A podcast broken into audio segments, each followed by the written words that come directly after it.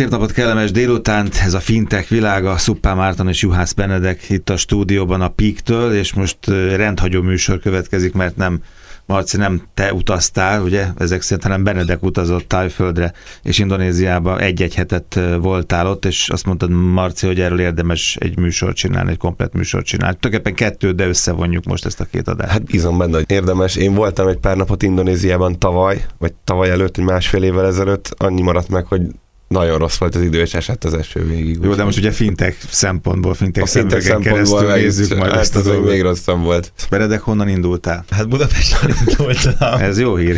Meglepettem volna a mást mondasz. Bangkokba kezdődött a nyaralásunk, Tájföldön. Igazából ott csak egy napot töltöttünk el, viszonylag sokat járok a régióba, és, és megmondom őszintén, hogy olyan nagyon nagy változást nem tapasztaltam három évvel ezelőtthöz képest Bangkok már akkor is egy viszonylag digitalizált város volt, talán ebben egy picit mondjuk Budapest előtt jár, de azért nem tartozik a top digitalizációs helyek közé, tehát mondjuk nem egy Szingapur vagy egy Hongkong. Ugyanakkor egy érdekes tapasztalás volt. Ezt a hirtelen egyébként át is mentünk Balira, ott voltunk egy hetet, tehát igazából nem, nem is annyira Indonéziába jártam, csak Balin, ami ugye egy turista paradicsom, és gyakorlatilag tele van külföldiekkel, és az egész sziget az ebből él. Majd utána egy hétre átmentünk egy egy tájszigetre a kambodzsai határ mellé, tehát ez volt igazából az utazás, és akkor az ezekkel kapcsolatos tapasztalatokat osztanám majd meg, most meg veletek. Tájföldön kb. 70 millió ember él, Indonéziában kb. 260 millió, Balin kb. 5 millió ember, a GDP-jük az Magyarországhoz viszonyítva nagyjából, a, hogyha vásárlőrő paritáson mérik, akkor a fele a magyar GDP-nek, Tájföldnek egy kicsit több, Indonéziának egy kicsit kevesebb. Először nem is annyira a fintek, ez inkább a digitalizációhoz, illetve a turizmushoz való hozzáállásukra beszélnék, ez mind a két országra, meg piacra jellemző, hogy nagyon nyitottak, kedvesek, eleve ilyen kultúrájuk van, de ebből is élnek, tehát mind a két országban, főként azokon a területeken, amiken jártam, ott az emberek nagy része az a turistákból él. Hatalmas verseny van a piacon, és akkor most elkezdenék a, a fintekhez egy kicsit közeledni. Tájföldön, ahogy mondtam is, bankokban már érezni, hogy így támogatja a kormány a digitalizációt, meg meg vannak törekvések a, nem tudom, társadalmi szinten arra, hogy akár digitális pénzügyi megoldásokat alkalmazzanak a, az ott élők és az oda, oda látogatók. Rengeteg mobil alkalmazással, mobil alkalmazás hirdetéssel találkozni, az e-commerce az virágzik. Megboldogult Lester City tulajdonos, a King Power cégcsoportnak a volt vezetője. Ugye reprezentálja is ezt, mint egy globális piaci szereplő a régióból, Indonéziában ez, ez kevésbé volt megfigyelhető, azért az egy elmaradottabb, technológia elmaradottabb vidék, de, de egy-egy digitális pénzügyi megoldást már, már ott is felelhető volt. A Marci mindig azt mondja, hogy mekkora hiba az, hogy applikáció hiányosságban élünk, meg ugye a város nincs átszőve wifi-vel. Ezt szokta a Dávid is mondani, azt is Dávid a másik műsorunkban. Igazából érzékelted azt, hogy, hogy mindenhol betámadnak applikációkat, tehát bárhova vész, ott, ott rögtön van lehetőséged arra, hogy onnan információt szeretsz, hogy megkapd ezt az applikációt. Hát Tájföldön nagyon. Wifi az egyébként mindenhol van, tehát a turiz, turizmusnak ez abszolút ez a hatása, ez érvényes, hogy gyakorlatilag nem lehet lejteni egy tűt a, ezekben az országokban, úgyhogy ne kapjon wifi jelet, mert hogyha ez egy jó példának mondható. Ez nagyon szép.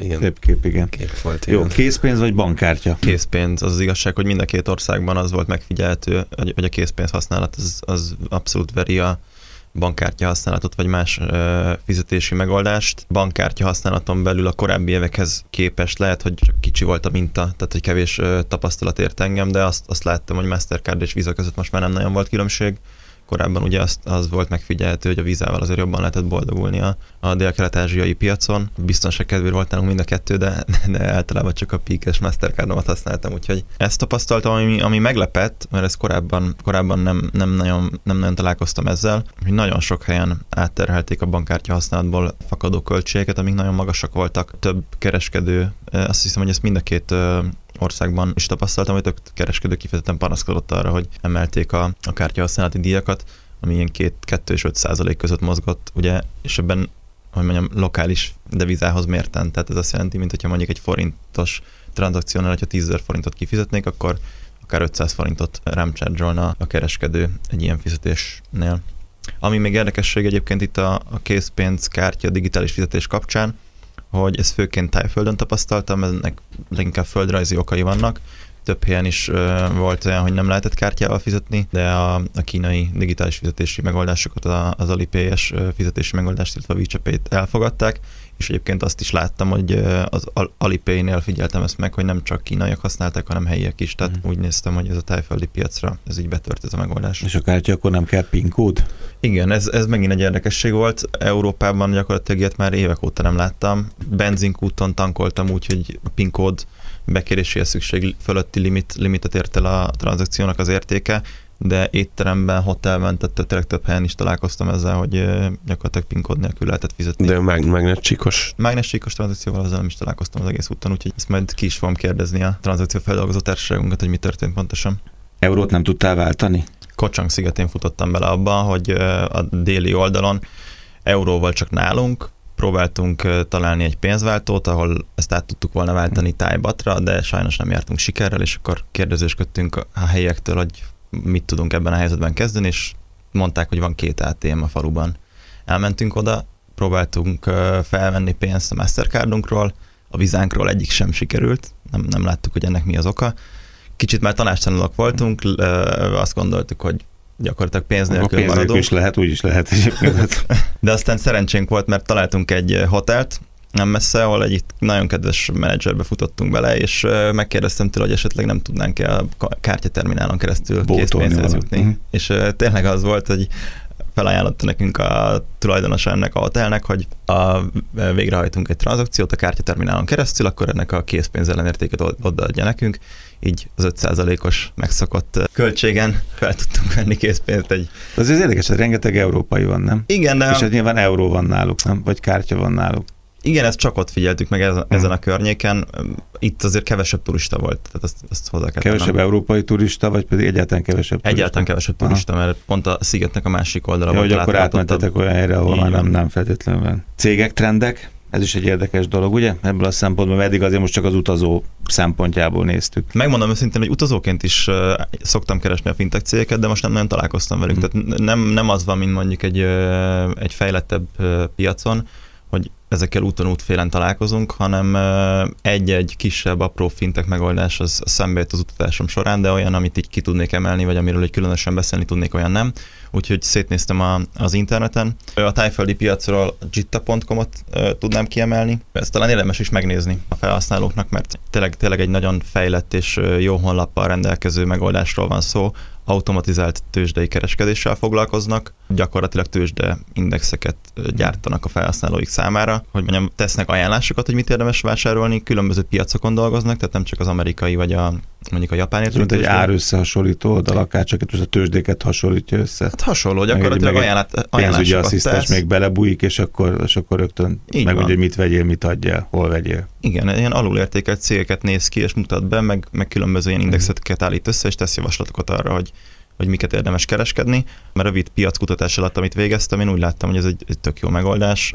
A saját ilyen referencia értékeik alapján, hogy milyen eredményeket lehet elérni még profitábilisnak is tűnik, tehát én ezt tényleg tudom ajánlani, hogy aki érdeklődik az ilyen exotikumok iránt, az a jitta.com-ot keresse fel, és nézzen rá erre a megoldásra. Az azt mondjátok, és az érdekes, ezért mind a kettőtől érdekel, hogy azt mondjátok, hogy csak úgy mentek, és nem kutattok utána, de ezért figyelitek a, a fintech cégeket, akkor mit figyeltek? Tehát most nyaralóként, utazóként, tehát azt hogy veszed észre? Hogy látod, hogy milyen fintech élet van a háttérben, hogyha nem nézed meg, nem bugarászod ki a különböző lehetőségeket? Hát ez, ez abszolút látszik a, a, az emberek. Azt tehát, hogyha valaki szakmailag benne van ebben a, ebben a körben, akkor az akarva akaratlanul szembe jön, meg látszik, hogy, hogy most egy fintek megoldást használta, vagy, vagy nem. Tehát, hogy úgy fizetette, készpénzzel fizetette, úgy fizetette Jó, hát kártyával. fizetéseknél, csak ezt mondom, hogy fizetéseknél. Nyilván egy ilyen applikáció, egy, egy, egy, utazásnál. Egy, egy tőzsdei kereskedéssel foglalkozó ilyen robo-advisor, vagy nem is tudom milyen applikáció. Jó, hát ez, ez nem, ez nem fog szembe jönni, persze, tehát ezt, ezt meg kell keresni. Valószínűleg ezt is könnyebben találjuk meg egyébként, mint hogyha valaki elkezdene csak úgy keresgélni. Ezek nem jönnek szembe. Amiről eddig a Benedek beszélt az elmúlt 5-10 percben, az viszont szembe jön, hogy mennyire esetett meg mennyire technológiaorientált egy, egy térség vagy egy ország. Ezekből, ezt ezekből, lehet, ezekből a, a, az ilyen mikro tevékenységekből lehet leszűrni, hát, hogy fizet, át, készpénzt vesz föl, aha, és hogy ezek hogyan történnek, milyen megoldás van a háttérben, milyen terminálon fizet az ember. Azért átnézzünk a, a másik kasszához, hogy ott mivel meg a harmadikhoz, meg, meg a harmadikhoz, negyedikhez, igen.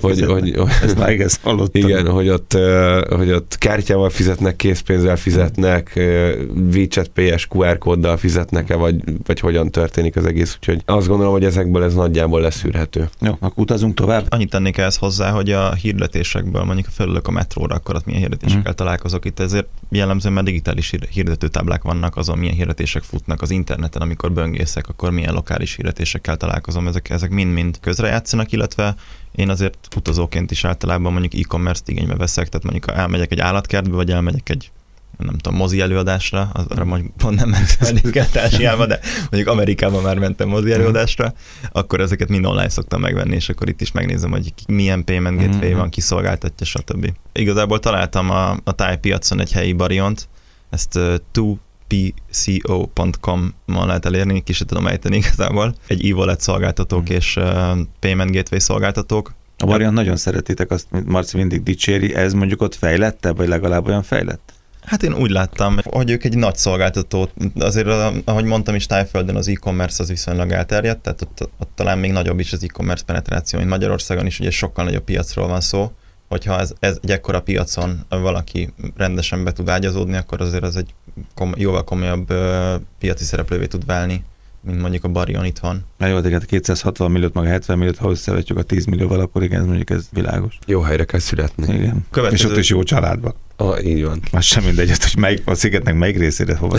Igen? ja, ez abszolút így van.